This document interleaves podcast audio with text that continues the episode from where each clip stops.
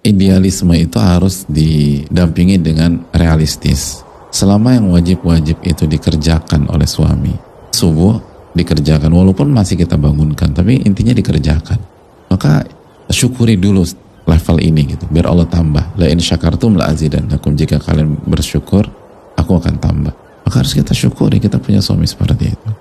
Makanya istri tuh baca doa yang cukup panjang tapi closingnya tuh cocok banget.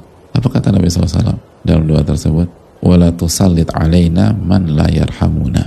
Ya Allah janganlah engkau berikan kendali dan kekuasaan kepada orang yang tidak sayang kepada kami sehingga mereka menguasai kami.